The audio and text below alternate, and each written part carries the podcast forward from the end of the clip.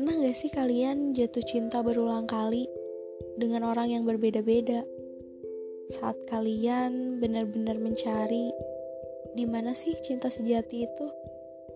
Dan sampai akhirnya kalian ketemu dengan cinta yang sesungguhnya, kalian harus ngerasain jatuh, bangkit, jatuh lagi, bangkit lagi, terus aja begitu.